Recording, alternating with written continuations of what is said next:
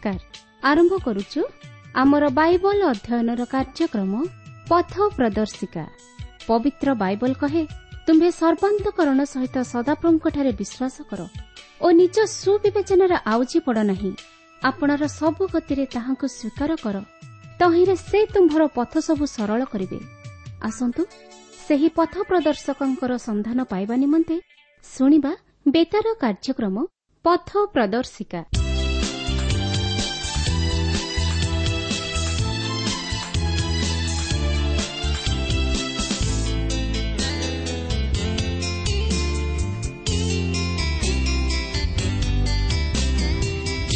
ଯହୋବାଙ୍କ ସ୍ତୁତି କର ତାଙ୍କ କରୁଣା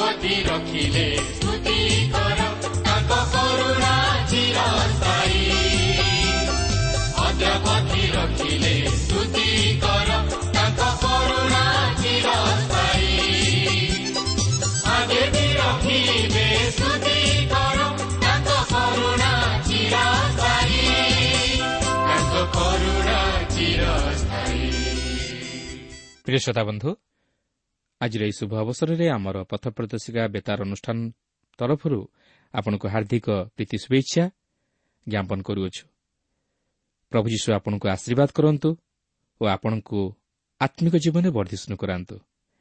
ଆପଣଙ୍କର ସହଯୋଗ ତଥା ହୃଦୟସ୍ପର୍ଶୀ ସାକ୍ଷ୍ୟ ଓ ମତାମତ ନିମନ୍ତେ ବିଶେଷ ଧନ୍ୟବାଦ। ଆପଣଙ୍କର ପ୍ରାର୍ଥନାର ଅନୁରୋଧ ରକ୍ଷା କରି ଆମେ ଆପଣଙ୍କ ନିମନ୍ତେ ପ୍ରାର୍ଥନା କରୁଅଛୁ। ଆଉ ସେହି ପ୍ରଭୁ ଯୀଶୁ ନିଶ୍ଚିତ ଭାବରେ ଆପଣଙ୍କର ସମସ୍ୟା ସମାଧାନ କରିବେ। ଆସନ୍ତୁ ପ୍ରଭୁଙ୍କର ବାକ୍ୟ ମଧ୍ୟକୁ ଯିବା ପୂର୍ବରୁ ସଂକ୍ଷେପରେ ପ୍ରାର୍ଥନା କରିବା। ପ୍ରିୟ ପବିତ୍ର ପ୍ରଭୁ ତୁମର ପବିତ୍ର ନାମର ଧନ୍ୟବାଦ କରୁଅଛି ସୁନ୍ଦର ସମୟ ପାଇଁ ତୁମର ଜୀବନ୍ତ ବାକ୍ୟ ପାଇଁ। ପ୍ରଭୁ ଆମେ ଜାଣୁ ତୁମର ବାକ୍ୟ ସତ୍ୟ ଓ ଜୀବନ୍ତ କାର୍ଯ୍ୟସାଧକ ଓ ଶକ୍ତିଦାୟକ ଭରସାଦାୟକ। ତେଣୁ ସେହି ବାକ୍ୟରେ ବିଶ୍ୱାସ କରି ତୁମଠାରେ ବିଶ୍ୱାସ କରି ତୁମ ପଥରେ ଚାଲିବା ନିମନ୍ତେ ଆମମାନଙ୍କୁ ଶକ୍ତି ଦିଅ। ପ୍ରତ୍ୟେକ ଶ୍ରୋତାବନ୍ଧୁମାନଙ୍କୁ ତୁମେ ଆଶୀର୍ବାଦ କର। ପ୍ରତ୍ୟେକଙ୍କର ମନୋବାଞ୍ଛା ତୁମେ ପୂର୍ଣ୍ଣ କର। ଯୀଶୁଙ୍କ ନାମରେ ମାଗୁଅଛୁ ଆମେନ୍ ଆସନ୍ତୁ ବର୍ତ୍ତମାନ ଆମେ ପ୍ରଭୁଙ୍କର ବାକ୍ୟ ମଧ୍ୟକୁ ଯିବା ଆଜି ଆମେ ଦ୍ୱିତୀୟ ରାଜାବଳୀ ପୁସ୍ତକର ଅଠର ପର୍ବର ସାତ ପଦରୁ ଆରମ୍ଭ କରି ଉଣେଇଶ ପର୍ବର ଉଣେଇଶ ପଦ ପର୍ଯ୍ୟନ୍ତ ଅଧ୍ୟୟନ କରିବା ନିମନ୍ତେ ଯିବା ଏଠାରେ ମୁଁ ଆପଣଙ୍କୁ ସ୍ମରଣ କରାଇଦିଏ ଯେ ଗତ ଆଲୋଚନା ମଧ୍ୟରେ ଆମେ ଦେଖିଥିଲୁ ଇସ୍ରାଏଲ୍ର ଉତ୍ତର ରାଜ୍ୟ ଶତ୍ରୁ ହସ୍ତରେ ସମର୍ପିତ ହୋଇ ନିର୍ବାସିତ ହେଲେ। ସେମାନେ ଅସୁର ଦେଶରେ ଯାଇ ରହିଲେ କିନ୍ତୁ ସେହି ସମୟ ମଧ୍ୟରେ ଇସ୍ରାଏଲ୍ର ଦକ୍ଷିଣ ରାଜ୍ୟ ଅର୍ଥାତ୍ ଜିହୁଦା ରାଜ୍ୟ ନିର୍ବାସିତ ହୋଇ ନ ଥିଲେ କାରଣ ଜିହୁଦା ମଧ୍ୟରେ ସେହି ସମୟରେ ଉତ୍ତମ ରାଜା ଥିବାରୁ ଓ ତହିଁର ଲୋକମାନେ ଈଶ୍ୱରଙ୍କ ପ୍ରତି ଫେରିବାରୁ ସେ ସେମାନଙ୍କୁ ସୁରକ୍ଷା ପ୍ରଦାନ କରିଥିଲେ। ସେମାନେ ନିର୍ବାସିତ ହୋଇ ନ ଥିଲେ ସେହି ସମୟରେ ଜିହୁଦା ମଧ୍ୟରେ ଜଣେ ଅତି ଉତ୍ତମ ରାଜା ଥିଲେ ତାହାଙ୍କ ନାମ ହିଜକିୟ। ସେ ଉଚ୍ଚସ୍ଥଳୀମାନ ଦୂର କରିବା ସହିତ ନିଜ ରାଜ୍ୟରୁ ପ୍ରତିମା ପୂଜାକୁ ମଧ୍ୟ ଦୂର କରିଦେଇଥିଲେ। ସେ ଈଶ୍ୱରଙ୍କ ସପକ୍ଷରେ ଛିଡ଼ା ହୋଇଥିଲେ ଓ ଜିହୁଦା ରାଜ୍ୟ ମଧ୍ୟରେ ଲୋକମାନଙ୍କୁ ଈଶ୍ୱରଙ୍କର ନିକଟବର୍ତ୍ତୀ କରାଇ ସେମାନଙ୍କ ମଧ୍ୟରେ ଏକ ଉଦ୍ଦୀପନା ଆଣିଦେଇଥିଲେ ତେଣୁକରି ଈଶ୍ୱର ସେମାନଙ୍କୁ ଇସ୍ରାଏଲ୍ ରାଜ୍ୟର ଲୋକମାନଙ୍କ ସହିତ ନିର୍ବାଚିତ କରାଇ ନ ଥିଲେ କିନ୍ତୁ ପରେ ସେମାନଙ୍କର ଦୁଷ୍ଟତା ତଥା ଅବାଧ୍ୟତା ନେଇ ସେମାନେ ଶତ୍ରୁ ହସ୍ତରେ ସମର୍ପିତ ହୋଇ ନିର୍ବାସିତ ହୋଇଥିଲେ ଯାହାକି ଆମେ ପରେ ପାଠ କଲେ ତାହା ଜାଣିବାକୁ ପାରିବା। ତେବେ ବର୍ତ୍ତମାନ ଏହି ଅଠର ପର୍ବର ସାତ ପଦରୁ ସଇଁତିରିଶ ପଦ ମଧ୍ୟରେ ଆମେ ସେହି ହିଜକୀୟ ରାଜାଙ୍କ ସମୟରେ ଜିହୁଦା ରାଜ୍ୟ ମଧ୍ୟରେ ଯେଉଁ ସମସ୍ତ ଘଟଣାମାନ ଘଟିଥିଲା ତାହା ଲକ୍ଷ୍ୟ କରିବାକୁ ଯିବା ଓ ତହିଁରୁ ଆମର ଆଧ୍ୟାତ୍ମିକ ଜୀବନ ନିମନ୍ତେ କିଛି ଶିକ୍ଷା ଗ୍ରହଣ କରିବା। ଦେଖନ୍ତୁ ଅଠର ପର୍ବର ସାତ ପଦରୁ ଦଶ ପଦ ମଧ୍ୟରେ ଏହିପରି ଲେଖା ଅଛି ପୁଣି ସଦାପ୍ରଭୁ ତାଙ୍କର ସହବର୍ତ୍ତୀ ହେଲେ ସେ ଯେକୌଣସି ଆଡ଼େ ଗଲେ ସେ ଆଡ଼େ କୁଶଳ ପ୍ରାପ୍ତ ହେଲେ ଆଉ ସେ ଅସୁର ରାଜାର ବିଦ୍ରୋହୀ ହୋଇ ତାହାର ସେବା କଲେ ନାହିଁ। ସେ ଘସା ଓ ତହିଁର ସୀମା ପର୍ଯ୍ୟନ୍ତ ପ୍ରହରୀମାନଙ୍କ ଦୁର୍ଗଠାରୁ ପ୍ରାଚୀର ବେଷ୍ଟିତ ନଗର ପର୍ଯ୍ୟନ୍ତ ପଲିଷ୍ଟିୟମାନଙ୍କୁ ସଂହାର କଲେ। ଅନନ୍ତର ହିଜକୀୟ ରାଜାଙ୍କ ଅଧିକାରର ଚତୁର୍ଥ ବର୍ଷରେ ଅର୍ଥାତ୍ ଇସ୍ରାଏଲ୍ର ରାଜା ଏଲାଙ୍କର ପୁତ୍ର ହୋସିଆଙ୍କର ଅଧିକାରର ସପ୍ତମ ବର୍ଷରେ ଅସୁରର ରାଜା ସଲମନିଶ୍ୱର ସମରିଆ ପ୍ରତିକୂଳରେ ଆସି ତାହା ଅବରୋଧ କଲା। ପୁଣି ତିନି ବର୍ଷର ଶେଷରେ ସେମାନେ ତାହା ହସ୍ତଗତ କଲେ। ହିଜକିୟଙ୍କର ଅଧିକାରର ଷଷ୍ଠ ବର୍ଷରେ ଅର୍ଥାତ୍ ଇସ୍ରାଏଲ୍ର ରାଜା ହୋସିୟଙ୍କର ଅଧିକାରର ନବମ ବର୍ଷରେ ସମରିଆ ହସ୍ତଗତ କରାଗଲା ଦେଖନ୍ତୁ ହିଜକିୟ ଜଣେ ସାହସିକ ରାଜା ଥିଲେ। ତାଙ୍କର ଆଦେଶ ଅନୁଯାୟୀ ଜିହୁଦା ଅସୁରର ବିରୁଦ୍ଧରେ ଯାଇ ପଲିଷ୍ଟିମାନଙ୍କୁ ପରାସ୍ତ କଲେ। ହିଜକିୟଙ୍କ ରାଜତ୍ୱର ଚତୁର୍ଥ ବର୍ଷରେ ଅସୁରର ରାଜା ସଲମନିଶ୍ୱର ସମରିଆକୁ ହସ୍ତଗତ କଲେ। ଉତ୍ତର ରାଜ୍ୟ ଅସୁରର ରାଜାଙ୍କ ଦ୍ୱାରା ପରାଜିତ ହେଲା। କିନ୍ତୁ ଦକ୍ଷିଣ ରାଜ୍ୟ ସେ ପର୍ଯ୍ୟନ୍ତ ଶତ୍ରୁର ହସ୍ତଗତ ହୋଇନଥିଲା କିନ୍ତୁ ଅସୁରର ରାଜା ଇସ୍ରାଏଲ୍ର ଉତ୍ତର ରାଜ୍ୟ ସମରିଆକୁ ହସ୍ତଗତ କରିବା ଦ୍ୱାରା ଜିହୁଦାର ରାଜା ହିଜକିୟ ଅସୁବିଧାର ସମ୍ମୁଖୀନ ହେଲେ। ତାଙ୍କର ସ୍ଥିତି ପ୍ରତି ଆଞ୍ଚ ଆସିବାର ସମ୍ଭାବନା ଯଥେଷ୍ଟ ଥିଲା। ଏହାପରେ ଅଠର ପର୍ବର ଏଗାର ପଦରୁ ବାର ପଦ ମଧ୍ୟରେ ଆମେ ସେହି ଇସ୍ରାଏଲ୍ ରାଜ୍ୟର ନିର୍ବାଚିତ ହେବା ବିଷୟକୁ ପ୍ରକାଶ କରିବାର ଲକ୍ଷ୍ୟ କରିବାକୁ ପାରୁ ଓ ଏଠାରେ ତାହା ପୁନରାବୃତ୍ତି କରାଯାଇଅଛି। ଏହା ସେହି ଇସ୍ରାଏଲ୍ର ରାଜା ହୋସିଓଙ୍କ ସମୟର ଘଟଣା ଥିଲା ଯେଉଁ ସମୟରେ କି ହିଜକିୟ ଜିହୁଦା ଉପରେ ରାଜ୍ୟ କରିବାକୁ ଆରମ୍ଭ କରିଥିଲେ ଓ ହିଜକିୟ ଜଣେ ଉତ୍ତମ ରାଜା ଥିବାରୁ ଜିହୁଦା ରକ୍ଷା ପାଇଥିଲା ଯେହେତୁ ଈଶ୍ୱରଙ୍କର ଅନୁଗ୍ରହ ଦୃଷ୍ଟି ଜିହୁଦା ଉପରେ ରହିଥିଲା। ଏହାପରେ ଅଠର ପର୍ବର ତେର ଓ ଚଉଦ ପଦରେ ଆମେ ଦେଖୁ ଯେ ହିଜକିୟ ଅସୁରର ବିରୁଦ୍ଧରେ ଯୁଦ୍ଧ କରିବାକୁ ଚେଷ୍ଟା କଲେ ମାତ୍ର ସେ ସଫଳକାମୀ ହେଲେ ନାହିଁ। ଯେହେତୁ ସେ କୃତକାର୍ଯ୍ୟ ହୋଇପାରିଲେ ନାହିଁ ଏଥିନିମନ୍ତେ ତାହାଙ୍କୁ ତହିଁର ମୂଲ୍ୟ ଦେବାକୁ ପଡ଼ିଥିଲା। ଅଠର ପର୍ବର ପନ୍ଦର ଓ ଷୋହଳ ପଦରେ ଆମେ ଦେଖୁ ଯେ ସେ ଅସୁରର ରାଜାକୁ ତିନିଶହ ତାଳନ୍ତ ରୂପା ଓ ତିରିଶ ତାଳନ୍ତ ସୁନା ଦେଲେ। ଏହାପରେ ଅଠର ପର୍ବର ସତର ପଦରୁ ଉଣେଇଶ ପଦ ମଧ୍ୟରେ ଆମେ ଅସୁରର ରାଜା ସନ୍ହେରିବ୍ ତାହାର ମହାସୈନ୍ୟ ଶ୍ରେଣୀ ସହିତ ଜିହୁଦାର ରାଜା ହିଜକିୟଙ୍କୁ ଧମକ ଦେଇ ଭୟ ଦେଖାଇବାର ବିଷୟ ଲକ୍ଷ୍ୟ କରୁ। ତେବେ ସେ ସେମାନଙ୍କୁ ଅର୍ଥାତ୍ ହିଜକିୟ ଓ ତାହାଙ୍କର ଲୋକମାନଙ୍କୁ ଦୁଇଟି ବିଷୟ ନେଇ ଭୟଭୀତ କରାଉଅଛି ଅଠର ପର୍ବର କୋଡ଼ିଏରୁ ଏକୋଇଶ ପଦ ମଧ୍ୟରେ ଆମେ ଦେଖୁ ଯେ ହିଜକିୟ ଯେ ମିଶ୍ରର ସହାୟତା ନେବାକୁ ଯାଉଅଛନ୍ତି ଏହା ଜାଣି ରବସାକି ସେମାନଙ୍କୁ ଭୟ ଦେଖାଇ ମିଶ୍ର ବିଷୟ ନେଇ ପରିହାସ କରି ସେମାନଙ୍କୁ କହୁଛି ସେହି ମିଶ୍ର ଛେଚା ନଳର ଯଷ୍ଟି ସ୍ୱରୂପ ଯଦି କେହି ତାହା ଉପରେ ନିର୍ଭର କରେ ତାହେଲେ ତାହା ତାହାର ହାତରେ ପଶି ଫୋଡ଼ି ପକାଇବ। ଅର୍ଥାତ୍ ସେ କହିବାକୁ ଚାହେଁ ଯେ ମିଶ୍ର ଉପରେ ନିର୍ଭର କରିବା ବୃଥା ଓ ତୁମମାନେ ମିଶ୍ରଠାରୁ କୌଣସି ସାହାଯ୍ୟ ପାଇବ ନାହିଁ। ଏହାପରେ ସେ ଦ୍ୱିତୀୟ ବିଷୟ ଦ୍ୱାରା ହିଜକିୟ ଓ ତାଙ୍କର ଲୋକମାନଙ୍କୁ ଭୟ ଦେଖାଉଛି। ଦେଖନ୍ତୁ ଅଠର ପର୍ବର ବାଇଶ ପଦରେ ଲେଖା ଅଛି ମାତ୍ର ଯେବେ ତୁମେମାନେ ମୋତେ କୁହ ଆମ୍ଭେମାନେ ସଦାପ୍ରଭୁ ଆପଣମାନଙ୍କ ପରମେଶ୍ୱରଙ୍କ ଉପରେ ନିର୍ଭର ରଖୁଅଛୁ ତେବେ ହିଜକିୟ ଯାହାଙ୍କ ଉଚ୍ଚସ୍ଥଳୀ ଓ ଯଜ୍ଞବିଧି ସବୁ ଦୂର କରିଦେଇଅଛି ଆଉ ଜିହୁଦାକୁ ଓ ଜିରୁସାଲମକୁ କହିଅଛି ତୁମେମାନେ ଜିରୁସାଲମରେ ଏହି ଯଜ୍ଞବିଧି ସମ୍ମୁଖରେ ପ୍ରଣାମ କରିବ ସେ କି ସେହି ନୁହନ୍ତି? ଯେତେବେଳେ ହିଜକିୟ ଉଚ୍ଚସ୍ଥଳୀମାନ ଦୂର କରିଦେଲେ ସେତେବେଳେ ଅସୁରର ରାଜା ସନ୍ହେରି ଭାବିଲେ ଯେ ହିଜକିୟ ସେହି ସମସ୍ତ ଯଜ୍ଞବିଧି ସକଳକୁ ସତ୍ୟ ଓ ଜୀବନ୍ତ ଈଶ୍ୱରଙ୍କ ନିକଟକୁ ନେଇଯାଉଛନ୍ତି କିନ୍ତୁ ସେ ବୁଝିପାରିନଥିଲେ ଯେ ହିଜକିୟ ନିଜ ରାଜ୍ୟ ମଧ୍ୟରୁ ସେହି ସମସ୍ତ ବିଦେଶୀୟ ଦେବତା ଓ ପ୍ରତିମା ସବୁକୁ ଦୂର କରିଦେଉଅଛନ୍ତି। ଓ ଦେଶକୁ ଈଶ୍ୱରଙ୍କ ନିମନ୍ତେ ସୂଚୀ କରୁଅଛନ୍ତି ଓ ସେ ଈଶ୍ୱରଙ୍କର ବାଧ୍ୟ ହୋଇ ତାହାଙ୍କର ଅଧୀନତା ସ୍ୱୀକାର କରୁଅଛନ୍ତି। କାରଣ ଯୁହୁଦୀମାନେ କେବଳ ମାତ୍ର ଗୋଟିଏ ଯଜ୍ଞବିଧି ନିକଟରେ ଈଶ୍ୱରଙ୍କର ଉପାସନା କରିବାକୁ ଥିଲା ଯାହାକି ଜିରୁସାଲାମରେ ଥିଲା ଓ ସେମାନେ ରକ୍ତ ବଳିଦାନ ସହିତ ଈଶ୍ୱରଙ୍କର ନିକଟବର୍ତ୍ତୀ ହେଉଥିଲେ। କିନ୍ତୁ ଅସୁରର ରାଜା ଶନିହେରିବଙ୍କୁ ଏହା ଜଣାଯାଉଥିଲା ସତେ ଯେପରି ହିଜକିୟ ନିଜର ଈଶ୍ୱରଙ୍କୁ ପରିତ୍ୟାଗ କରିଦେଇଛନ୍ତି ଯେଉଁ ସମୟରେ କି ସେ ତାହାଙ୍କଠାରୁ ସାହାଯ୍ୟ ଭିକ୍ଷା କରି ତାହାଙ୍କର ଶରଣାପନ୍ନ ହେବା ଦରକାର ଥିଲା। ଦେଖନ୍ତୁ ଅଠର ପର୍ବର ତେଇଶରୁ ପଚିଶ ପଦ ମଧ୍ୟରେ ଆମେ ଦେଖୁ ଲେଖା ଅଛି ଏବେ ମୁଁ ବିନୟ କରୁଅଛି ମୋ ପ୍ରଭୁ ଅସୁରର ରାଜାଙ୍କ ସଙ୍ଗେ ପଣ କର। ମୁଁ ତୁମକୁ ଦୁଇ ହଜାର ଅଶ୍ୱ ଦେବି। ଯେବେ ତୁମ୍ଭେ ପାର ସେମାନଙ୍କ ଉପରେ ଚଢ଼ିବା ପାଇଁ ତୁମ୍ଭ ଆଡ଼ୁ ଲୋକ ଆଣ। ତେବେ କିରୂପେ ତୁମ୍ଭେ ମୋ ପ୍ରଭୁଙ୍କ ଦାସମାନଙ୍କ ମଧ୍ୟରୁ ଏକ କ୍ଷୁଦ୍ରତମ ସେନାପତିକୁ ଫେରାଇ ଦେଇପାରିବ? କିରୂପେ ତୁମେ ରଥ ଓ ଅଶ୍ୱାରୋହୀ ନିମନ୍ତେ ମିଶ୍ର ଉପରେ ବିଶ୍ୱାସ କରୁଅଛ? ମୁଁ କ'ଣ ସଦାପ୍ରଭୁଙ୍କ ବିନା ଏହି ସ୍ଥାନ ଧ୍ୱଂସ କରିବାକୁ ଆସିଅଛି? ସଦାପ୍ରଭୁ ମୋତେ କହିଲେ ଏହି ଦେଶ ବିରୁଦ୍ଧରେ ଯାଇ ତାହା ଧ୍ୱଂସ କର। ଏହା ଜିହୁଦାର ସୈନ୍ୟଶ୍ରେଣୀକୁ ତୁଚ୍ଛ ତଥା ନିନ୍ଦା କରିବାର ବିଷୟ ବ୍ୟତୀତ ଆଉ କିଛି ନଥିଲା। ଏହା ଏକ ଘୋର ଅପମାନଜନକ କଥା ଥିଲା। ଏହି ପ୍ରକାର ସନ୍ହେରିବ୍ ହିଜକୀୟ ଓ ତାହାଙ୍କର ଲୋକମାନଙ୍କୁ ଭୟ ଦେଖାଇବାକୁ ଚେଷ୍ଟା କରୁଥିଲା। ତେବେ ଦେଖନ୍ତୁ ଏହାର ପ୍ରତ୍ୟୁତ୍ତରରେ ହିଜକୀୟଙ୍କର ଲୋକମାନେ କ'ଣ କହୁଅଛନ୍ତି? ଅଠର ପର୍ବର ଛବିଶ ପଦରେ ଲେଖା ଅଛି। ଏଥିରେ ହିଜକୀୟର ପୁତ୍ର ଇଲିଆକିମ୍ ଓ ଶିବନ୍ ଓ ଜୟାହ ରବ୍ସାକିକୁ କହିଲେ ବିନୟ କରୁଅଛୁ ଆପଣ ଅରାମୀୟ ଭାଷାରେ ଆପଣ ଦାସମାନଙ୍କୁ କହନ୍ତୁ କାରଣ ଆମମାନେ ତାହା ବୁଝୁଅଛୁ। ପୁଣି ପ୍ରାଚୀରର ଉପରିସ୍ଥ ଲୋକମାନଙ୍କ କର୍ଣ୍ଣଗୋଚରରେ ଆମମାନଙ୍କୁ ଜିହୁଦୀୟ ଭାଷାରେ ନ କହନ୍ତୁ। ପ୍ରକୃତରେ ଜିହୁଦୀ ଲୋକମାନେ ସେହି ଜିରୁସାଲମର ପ୍ରାଚୀର ଉପରେ ବସି ଯେଉଁ ସମସ୍ତ ବିଷୟ ଚାଲିଥିଲା ତାହା ସେମାନେ ଶୁଣୁଥିଲେ। କିନ୍ତୁ ସେହି ଜିହୁଦାର ସମସ୍ତ ଉଚ୍ଚପଦସ୍ଥ କର୍ମଚାରୀ ରବସାକିକୁ କହିଲେ ତୁମେ ଆମମାନଙ୍କ ସହିତ ଅରାମୀୟ ଭାଷାରେ କଥା କୁହ। ତାହା ଆମମାନେ ବୁଝିପାରିବୁ। କିନ୍ତୁ ରବସାକି ସେହି ଜୁହୁଦୀୟମାନଙ୍କୁ ବିପଦଗାମୀ ଓ ସାହସୀହୀନ କରାଇବାକୁ ଚେଷ୍ଟା କରି ସେହି କର୍ମଚାରୀମାନଙ୍କର କଥାକୁ ଶୁଣିଲା ନାହିଁ। ଏହାପରେ ଅଠର ପର୍ବର ସତେଇଶରୁ ଅଣତିରିଶ ପଦରେ ଆମେ ଦେଖୁ ଯେ ରବସାକି ଅତି ଚତୁରତାର ସହିତ ଲୋକମାନଙ୍କର ମନକୁ ଭୁଲାଇବାକୁ ଚେଷ୍ଟା କରି ଓ ସେମାନେ ଯେପରି ହିଜକୀୟଙ୍କ ପ୍ରତି ମନ ନ ଦେଇ ଓ ତାହାଙ୍କ ବାକ୍ୟରେ ବିଶ୍ୱାସ ନ କରି ସନ୍ହେରି ପ୍ରତି ମନ ବଦଳାଇବେ ଏଥିନିମନ୍ତେ ସେ ସେମାନଙ୍କର ମନକୁ ସାହସୀହୀନ କରାଇ ଦୁର୍ବଳ କରାଇଦେବାକୁ ଚେଷ୍ଟା କରୁଅଛି ଓ ମିଥ୍ୟା ପ୍ରଚାର କରି ସେମାନଙ୍କୁ ହିଜକୀୟଙ୍କ ବିରୁଦ୍ଧରେ ଯିବା ପାଇଁ ମତାଉଅଛି।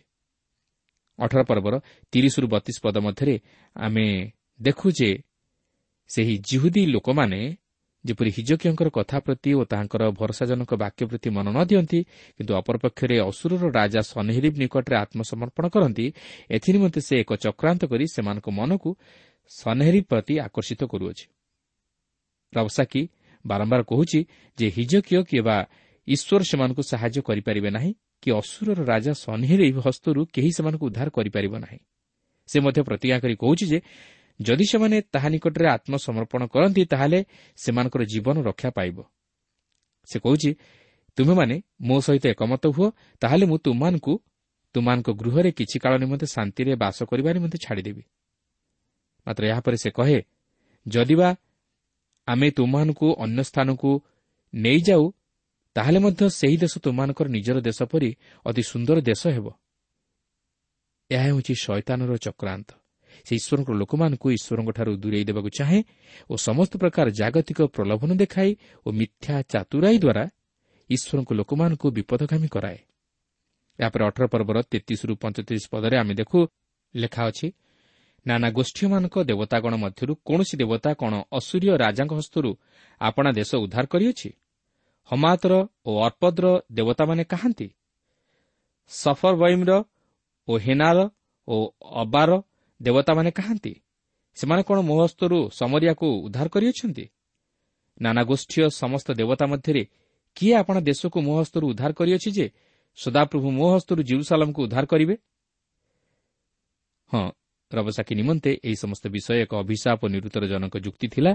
ସେ ଭାବିଥିଲା ଯେ ଇସ୍ରାଏଲ୍ର ଈଶ୍ୱର ମଧ୍ୟ ଅନ୍ୟାନ୍ୟ ଦେବତାମାନଙ୍କ ଭଳି ଶକ୍ତିହୀନ। ହଁ ଏହା ସତ୍ୟ ଯେ କୌଣସି ଦେବତା ତାହାଙ୍କର ଲୋକମାନଙ୍କୁ ଅସୁରର ହସ୍ତରୁ ଉଦ୍ଧାର କରିପାରିନଥିଲେ କିନ୍ତୁ ପ୍ରକୃତିରେ ରବସାକି ଜାଣିନଥିଲା ଯେ ଯେତେବେଳେ ସତ୍ୟ ଜୀବନ୍ତ ଈଶ୍ୱର ସମଗ୍ର ଜଗତର ପ୍ରଭୁ ସେତେବେଳେ ଅନ୍ୟ ଦେଶୀୟ ଦେବତାଗୁଡ଼ିକ ଦେବତା ନୁହନ୍ତି ବୋଲି। ଏହା ହିଁ ଥିଲା ତାହାର ଭୁଲ ଚିନ୍ତାଧାରା।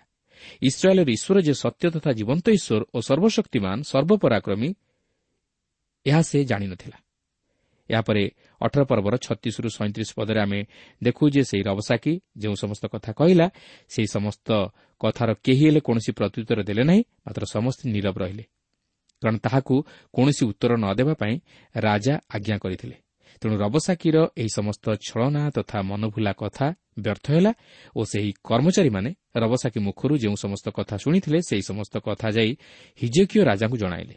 ତେବେ ହିଜକୀୟ ରାଜା ଏହି ସମସ୍ତ ବିଷୟ ଶୁଣିବା ପରେ କେଉଁପରି ପଦକ୍ଷେପ ନେଲେ ତାହା ଆମେ ପରବର୍ତ୍ତୀ ଅଂଶରେ ଅଧ୍ୟୟନ କରି ଆଲୋଚନା କରିବା ମାତ୍ର ଆମେ ଏହି ବିଷୟ ମଧ୍ୟରୁ ଏହି ଶିକ୍ଷା ପାଇଲୁ ଯେ ଆମେ ଯେପରି ଶୟତାନର ପ୍ରଲୋଭନରେ ପରିଚାଳିତ ନ ହୋଇ ବା ଶୟତାନର ଚାତୁରାଇରେ ପରିଚାଳିତ ନ ହୋଇ ବିଶ୍ୱାସର ସହିତ ଈଶ୍ୱରଙ୍କଠାରେ ସଂଯୁକ୍ତ ଜୀବନଯାପନ କରୁ ଓ ସବୁ ଅବସ୍ଥାରେ ଈଶ୍ୱରଙ୍କ ଉପରେ ନିର୍ଭର କରି ତାହାଙ୍କର ଇଚ୍ଛା ଅନୁଯାୟୀ କାର୍ଯ୍ୟ କରୁ। ତେବେ ଆପଣ ବୋଧହୁଏ ପ୍ରଶ୍ନ କରିପାରନ୍ତି ଈଶ୍ୱରଙ୍କ ଇଚ୍ଛା ଜାଣିବା କିପରି? ଈଶ୍ୱରଙ୍କ ଇଚ୍ଛାକୁ ଜାଣିବାକୁ ହେଲେ ଈଶ୍ୱରଙ୍କ ବାକ୍ୟକୁ ଜାଣିବାକୁ ହେବ। ଓ ଈଶ୍ୱରଙ୍କ ବାକ୍ୟକୁ ଜାଣିବାକୁ ହେଲେ ପ୍ରଭୁ ଯୀଶୁଖ୍ରୀଷ୍ଟଙ୍କୁ ଜାଣିବାକୁ ହେବ। କାରଣ ସେ ସେହି ବାକ୍ୟ ରୂପୀ ଈଶ୍ୱର ଥିଲେ ଯିଏକି ଦେହବନ୍ତ ହୋଇ ଏହି ଜଗତକୁ ଆସିଲେ ଓ ଆମମାନଙ୍କ ମଧ୍ୟରେ ବାସ କଲେ। ତେଣୁ ସେହି ଖ୍ରୀଷ୍ଟଙ୍କୁ ଯଦି ଆମେ ହୃଦୟ ମଧ୍ୟରେ ସ୍ଥାନ ଦେଉ ତାହେଲେ ସେ ଆମମାନଙ୍କୁ ଶକ୍ତି ଦେବେ ଓ ସେ ଆମମାନଙ୍କୁ ପଥ ଦେଖାଇବେ। ଯେଣୁ ସେ ନିଜେ ହେଉଛନ୍ତି ପଥ ସତ୍ୟ ଓ ଜୀବନ। ତେବେ ରାଜା ହିଜିକିଓ ତାଙ୍କର ରାଜକର୍ମଚାରୀମାନଙ୍କଠାରୁ ସେହି ସମସ୍ତ ବିଷୟ ଶୁଣିବା ପରେ କି ପ୍ରକାର ପଦକ୍ଷେପ ଗ୍ରହଣ କଲେ ଆସନ୍ତୁ ବର୍ତ୍ତମାନ ତାହା ଅଧ୍ୟୟନ କରି ଆଲୋଚନା କରିବାକୁ ଯିବା। ଦ୍ୱିତୀୟ ରାଜାବଳୀ ଉଣେଇଶ ପର୍ବର ପ୍ରଥମ ପଦରେ ଏହିପରି ଲେଖା ଅଛି ଏଥିରେ ହିଜକିୟ ରାଜା ତାହା ଶୁଣନ୍ତେ ଆପଣ ବସ୍ତ୍ର ଚିରି ଓ ଅଖା ଘୋଡ଼ି ହୋଇ ସଦାପ୍ରଭୁଙ୍କ ଗୃହକୁ ଗଲେ। ଏଥିପୂର୍ବରୁ ଆମେ ଅଧ୍ୟୟନ କରି ଦେଖିସାରିଛୁ ଯେ ହିଜକିୟ ରାଜା ଏକ ସମସ୍ୟାବହୁଳ ଅସ୍ଥିରତା ଓ ଅନିଶ୍ଚିତତାର ସମୟରେ ରାଜସିଂହାସନର ଅଧିକାରୀ ହେଲେ। ଅସୁରର ରାଜା ଇସ୍ରାଏଲ୍ର ଉତ୍ତର ରାଜ୍ୟକୁ ଅଧିକାର କରି ତହିଁର ଲୋକମାନଙ୍କୁ ଅସୁରକୁ ନେଇଗଲେ। ବର୍ତ୍ତମାନ ଅସୁରର ସୈନ୍ୟ ଦଳ ଇସ୍ରାଏଲ୍ର ଦକ୍ଷିଣ ରାଜ୍ୟ ଅର୍ଥାତ୍ ଜୁରୁସାଲାମର ଦ୍ୱାରଗୁଡ଼ିକର ବାହାରେ ଆସି ଉପସ୍ଥିତ ଓ ଅସୁର ରାଜାର ପକ୍ଷରୁ ରବସାକି ସେହି ଜିରୁସାଲାମର ବାହାରୁ ରହି ଜିହୁଦାର ରାଜା ଓ ତହିଁର ରାଜକର୍ମଚାରୀମାନଙ୍କୁ ଓ ଜିହୁଦୀମାନଙ୍କୁ ବିଦ୍ରୁପ ତଥା ଅପମାନଜନକ କଥା କହି ସେମାନଙ୍କୁ ଅପମାନ ଦେବାରେ ଲାଗିଛି। ଓ ଜିହୁଦୀମାନଙ୍କୁ ସାହସହୀନ କରାଇ ଓ ହିଜକୀୟ ରାଜାଙ୍କ ବିରୁଦ୍ଧରେ ନାନା ପ୍ରକାର ନିନ୍ଦାସୂଚକ କଥା କହି ସେମାନଙ୍କର ମନକୁ ଅସୁରର ରାଜା ସନ୍ହେରି ଆଡ଼କୁ ଢଳାଇବା ପାଇଁ ଚେଷ୍ଟା କରୁଛି। ମାତ୍ର ରାଜା ହିଜକୀୟଙ୍କର ଆଦେଶ ଅନୁଯାୟୀ କେହି ହେଲେ ରବସାକ୍ଷୀର କଥା ଉପରେ ଗୁରୁତ୍ୱ ଦେଲେ ନାହିଁ କି ତାହାକୁ କୌଣସି ପ୍ରତ୍ୟୁତ୍ତର ଦେଲେ ନାହିଁ। ତେବେ ହିଜକିଓ ତାହାଙ୍କର କର୍ମଚାରୀମାନଙ୍କଠାରୁ ସମସ୍ତ କଥା ଶୁଣି ସଦାପ୍ରଭୁଙ୍କ ନିକଟବର୍ତ୍ତୀ ହେଉଛନ୍ତି ଓ ତାହାଙ୍କ ଉପରେ ନିର୍ଭର କରୁଅଛନ୍ତି। ବସ୍ତ୍ର ଚିରିବା ଓ ଅଖା ଘୋଡ଼ାଇ ହେବା ବିଷୟ ହିଜକିଓଙ୍କର ଗଭୀର ଦୁଃଖ ଓ ମାନସିକ ଯନ୍ତ୍ରଣାକୁ ପ୍ରକାଶ କରେ। ଲକ୍ଷ୍ୟ କରନ୍ତୁ ସେ ସଦାପ୍ରଭୁଙ୍କ ଗୃହକୁ ଯାଆନ୍ତି। ଯେତେବେଳେ ଆପଣ ମାନସିକ ଭାବେ ଅସ୍ଥିର ବ୍ୟଥା ଅନୁଭବ କରନ୍ତି ସେତେବେଳେ ସଦାପ୍ରଭୁଙ୍କ ଗୃହ ହେଉଛି ସବୁଠାରୁ ସୁନ୍ଦର ତଥା ଉତ୍ତମ ସ୍ଥାନ ମାନସିକ ଶାନ୍ତି ପାଇବା ନିମନ୍ତେ। ହଁ ହିଜକ୍ଷଙ୍କ ନିମନ୍ତେ ଏହା ଥିଲା ସବୁଠାରୁ ଦୁଃଖ ତଥା ଭୟଙ୍କର ସମୟ ଓ ସେ ସେହି ସମୟରେ ପ୍ରଭୁଙ୍କ ନିକଟବର୍ତ୍ତୀ ହୋଇଥିଲେ। ବାସ୍ତବରେ ପ୍ରିୟ ବନ୍ଧୁ ଯେତେବେଳେ ଆମେ ବିପଦ ବା ସମସ୍ୟାରେ ପଡ଼ୁ ସେତେବେଳେ ଆମେ ଈଶ୍ୱରଙ୍କର ନିକଟବର୍ତ୍ତୀ ହେବା ସବୁଠାରୁ ଉତ୍ତମ ଓ ଏହା ହିଁ ହେଉଛି ପ୍ରଭୁଙ୍କ ନିକଟକୁ ଫେରିବାର ଉପଯୁକ୍ତ ସମୟ। ଉଣେଇଶ ପର୍ବର ଦୁଇ ପଦରେ ଲେଖା ଅଛି ପୁଣି ରାଜଗୃହାଧ୍ୟକ୍ଷ ଇଲିଆକିମ୍କୁ ଓ ଶିବନ ଲେଖକକୁ ଓ ଯାଜକମାନଙ୍କ ପ୍ରାଚୀନ ବର୍ଗକୁ ଅଖା ଘୋଡ଼ାଇ ଆମୋସର ପୁତ୍ର ଜିସାଏ ଭବିଷ୍ୟତ ବକ୍ତାଙ୍କ ନିକଟକୁ ପଠାଇଲେ। ବାସ୍ତବରେ ହିଜକିୟ ଏହି ପ୍ରକାର ପ୍ରତିକୂଳ ପରିସ୍ଥିତି ମଧ୍ୟରେ ଯେଉଁ ପ୍ରକାର ପଦକ୍ଷେପ ଗ୍ରହଣ କରୁଛନ୍ତି ତାହା ଉଲ୍ଲେଖନୀୟ। ସେ ମନୁଷ୍ୟ ଉପରେ ନିର୍ଭର କରୁନାହାନ୍ତି କି ମନୁଷ୍ୟଠାରୁ ସାହାଯ୍ୟ ଚାହୁଁନାହାନ୍ତି। ମାତ୍ର ଈଶ୍ୱରଙ୍କର ଉପରେ ନିର୍ଭର କରି ତାହାଙ୍କଠାରୁ ସାହାଯ୍ୟ ଅପେକ୍ଷା କରୁଅଛନ୍ତି।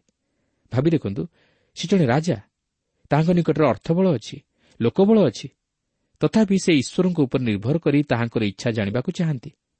ତେଣୁକରି ସେ ଈଶ୍ୱରଙ୍କର ଲୋକ ଅର୍ଥାତ୍ ଜିସାଏ ଭବିଷ୍ୟତ ବକ୍ତାଙ୍କ ନିକଟକୁ ତାହାଙ୍କର ରାଜକର୍ମଚାରୀମାନଙ୍କୁ ପଠାଉଛନ୍ତି ଯେପରି ସେ ଈଶ୍ୱରଙ୍କର ଇଚ୍ଛାକୁ ଜାଣିବାକୁ ପାରନ୍ତି।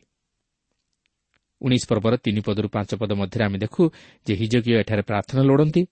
ସେ ଆଉ କିଛି ଚାହାନ୍ତି ନାହିଁ ମାତ୍ର ସେ ପରମେଶ୍ୱରଙ୍କ ଲୋକ ଜିସାଏ ଭବିଷ୍ୟତ ବକ୍ତାଙ୍କୁ ସଦାପ୍ରଭୁଙ୍କ ନିକଟରେ ପ୍ରାର୍ଥନା କରିବାକୁ କହନ୍ତି। ଯେପରି ସଦାପ୍ରଭୁ ଅସୁରର ରାଜାଙ୍କ ହସ୍ତରୁ ସେମାନଙ୍କୁ ଉଦ୍ଧାର କରନ୍ତି। ତେବେ ଦେଖନ୍ତୁ ଜିସାୟ ହିଜକୀୟଙ୍କୁ କ'ଣ ଉତ୍ତର ଦିଅନ୍ତି। ଉଣେଇଶ ପର୍ବର ଛଅରୁ ସାତ ପଦ ମଧ୍ୟରେ ଆମେ ଦେଖୁ ଯେ ପ୍ରକୃତିରେ ହିଜକୀୟଙ୍କ ପ୍ରତି ଏହା ଏକ ଉତ୍ସାହଜନକ ତଥା ସାନ୍ତ୍ୱନାଜନକ ବାକ୍ୟ ଥିଲା। ଏଠାରେ ଏହିପରି ଲେଖା ଅଛି ତହିଁରେ ଜିସାୟ ସେମାନଙ୍କୁ କହିଲେ ତୁମମାନେ ଆପଣା ପ୍ରଭୁଙ୍କୁ କହିବ ସଦାପ୍ରଭୁ ଏହା କହନ୍ତି ଅସୁରୀୟ ରାଜାର ଦାସମାନେ ଆମ୍ଭକୁ ନିନ୍ଦା କରିବାର ଯେଉଁ କଥା ତୁମେ ଶୁଣିଅଛ ତହିଁରେ ଭୀତ ନ ହୁଅ। ଦେଖ ଆମ୍ଭେ ତାହା ମଧ୍ୟରେ ଏକ ଆତ୍ମା ଦେବା ପୁଣି ସେ କୌଣସି ଜନରବ ଶୁଣି ଆପଣା ଦେଶକୁ ଫେରିଯିବ। ଆଉ ଆମ୍ଭେ ତାହାର ନିଜ ଦେଶରେ ଖଡ଼ଗ ଦ୍ୱାରା ତାହାକୁ ନିପାତ କରିବା। ବାସ୍ତବରେ ଏହି ଭାବବାଣୀ ଆକ୍ଷରିକ ଭାବେ ସଫଳ ହେଲା। ଲକ୍ଷ୍ୟ କରନ୍ତୁ ହିଜକିୟଙ୍କ ପ୍ରତି ଜିସା ଭବିଷ୍ୟତ ବକ୍ତାଙ୍କର ସାନ୍ତ୍ୱନାଜନକ ବାକ୍ୟ। ସେ କହନ୍ତି ହିଜକିୟ ତୁମେ ବ୍ୟସ୍ତ ହୁଅ ନାହିଁ? କି ଏହି ଲୋକ ବିଷୟରେ ଚିନ୍ତିତ ହୁଅ ନାହିଁ? ସେ ତୁମର ନଗର ମଧ୍ୟକୁ ପ୍ରବେଶ କରିପାରିବ ନାହିଁ। ସେ ଯାହା ସବୁ କହୁଅଛି ତାହା ମିଥ୍ୟା ତାହା କେବେ ହେଲେ ସଫଳ ହେବ ନାହିଁ। ଈଶ୍ୱର ତାହାର ବିଚାର କରି ତାହାକୁ ତାହାର ସମୁଚିତ ଫଳ ପ୍ରଦାନ କରିବେ। ସେ ନିଜ ଦେଶରେ ନିପାତ ହେବ। ତେଣୁ ତୁମେ ବ୍ୟସ୍ତ ହୁଅ ନାହିଁ।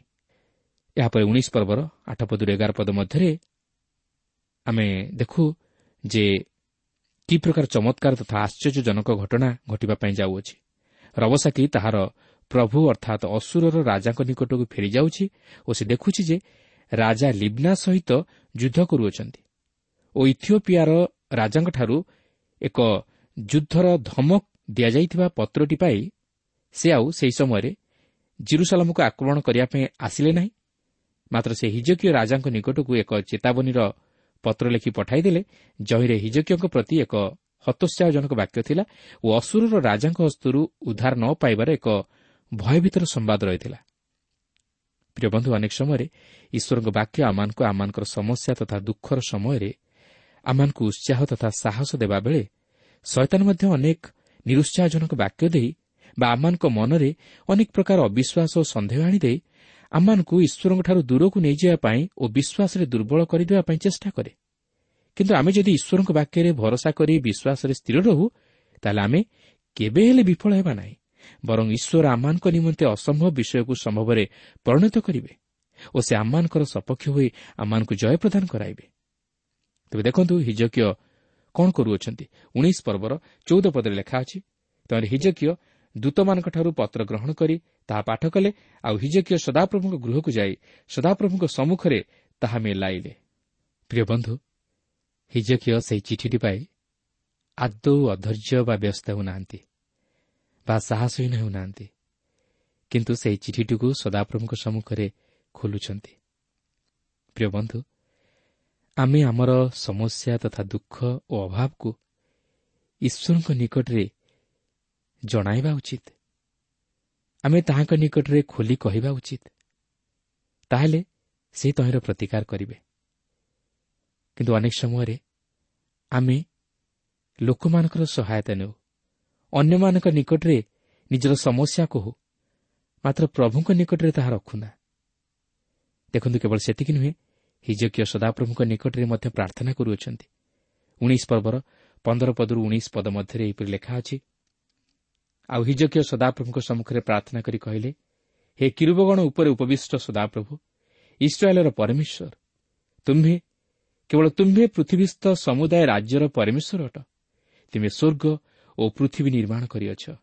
ହେ ସଦାପ୍ରଭୁ ଆପଣ କର୍ଣ୍ଣଡେର ଓ ଶୁଣ ହେ ସଦାପ୍ରଭୁ ଆପଣ ଚକ୍ଷୁ ଫିଟାଅ ଓ ଦେଖ ଜୀବିତ ପରମେଶ୍ୱରଙ୍କୁ ଧିକାର କରିବା ପାଇଁ ସନ୍ହେରିବ୍ ଯାହା କହି ପଠାଇଅଛି ତାହାର ସେହି କଥା ଶୁଣ। ହେ ସଦାପ୍ରଭୁ ଅସୁରୀୟ ରାଜାମାନେ ନାନା ଗୋଷ୍ଠୀ ଓ ସେମାନଙ୍କ ଦେଶ ଉଚ୍ଛିନ୍ନ କରିଅଛନ୍ତି ଓ ସେମାନଙ୍କ ଦେବତାଗଣକୁ ଅଗ୍ନିରେ ନିକ୍ଷେପ କରିଅଛନ୍ତି। ଏହା ସତ୍ୟ। କାରଣ ସେମାନେ ପରମେଶ୍ୱର ନଥିଲେ। ମନୁଷ୍ୟର ହସ୍ତକୃତ କର୍ମ କାଷ୍ଠ ଓ ପ୍ରସ୍ତର ମାତ୍ର। ଏହେତୁ ସେହି ରାଜାମାନେ ସେମାନଙ୍କୁ ବିନାଶ କଲେ। ଏଣୁ ଏବେ ହେ ସଦାପ୍ରଭୁ ଆମମାନଙ୍କ ପରମେଶ୍ୱର ମୁଁ ବିନୟ କରୁଅଛି। ତାହାର ହସ୍ତରୁ ଆମମାନଙ୍କୁ ଉଦ୍ଧାର କର। ତହରେ ତୁମ୍ଭେ କେବଳ ତୁମ୍ଭେ ଯେ ସଦାପ୍ରଭୁ ପରମେଶ୍ୱର ଅଟ ଏହା ପୃଥିବୀସ୍ଥ ସମୁଦାୟ ରାଜ୍ୟ ଜାଣିବେ। ଲକ୍ଷ୍ୟ କରନ୍ତୁ ହିଜକ୍ଷଙ୍କର କି ପ୍ରକାର ଆକୁଳ ପ୍ରାର୍ଥନା।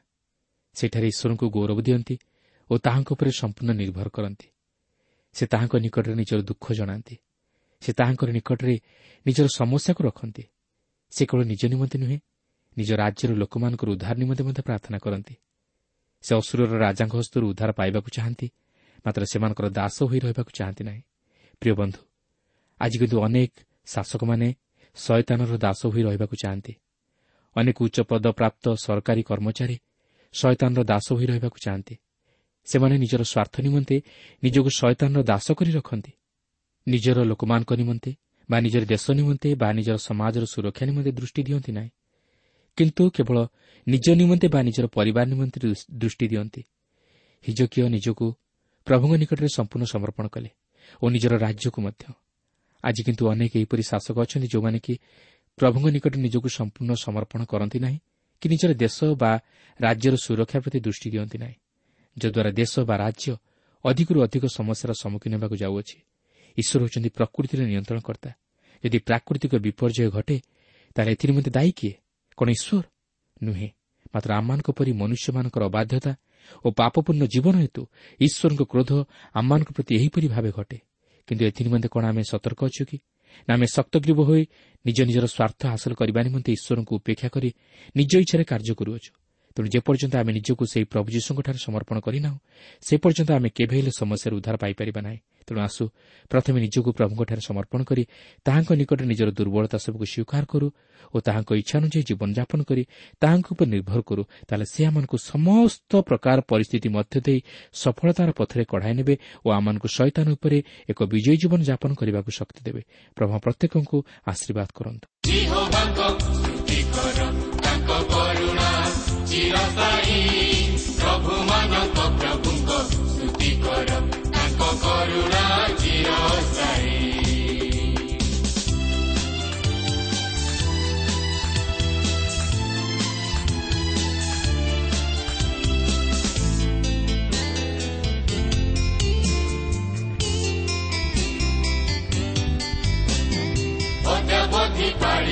ಸ್ತುತಿ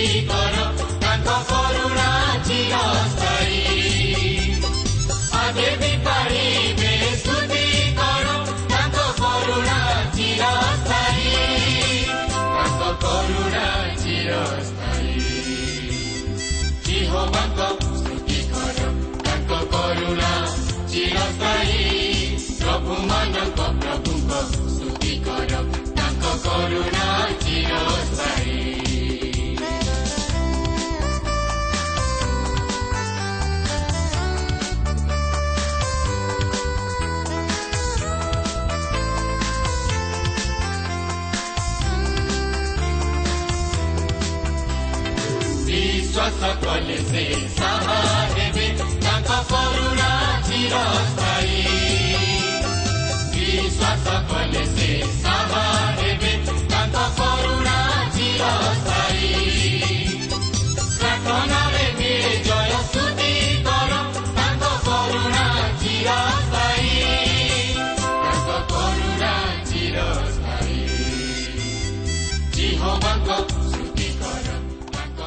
ପ୍ରିୟ ଶ୍ରୋତା ଆମର କାର୍ଯ୍ୟକ୍ରମ ନିୟମିତ ଶୁଣୁଥିବାରୁ ଅଶେଷ ଧନ୍ୟବାଦ। ଆପଣ ଏହି କାର୍ଯ୍ୟକ୍ରମ ଶୁଣିବା ଦ୍ୱାରା ଆତ୍ମିକ ଜୀବନରେ ଉପକୃତ ହୋଇପାରିଥିବେ ବୋଲି ଆମର ବିଶ୍ୱାସ। ପ୍ରଭୁ ଯୀଶୁଙ୍କ ବିଷୟରେ ଅଧିକ ଜାଣିବାର ଆଗ୍ରହ ଥିଲେ ଅଥବା ଉପାଦେୟ ପୁସ୍ତକର ଆବଶ୍ୟକ ଥିଲେ ଆମ ସହ ଯୋଗାଯୋଗ କରନ୍ତୁ।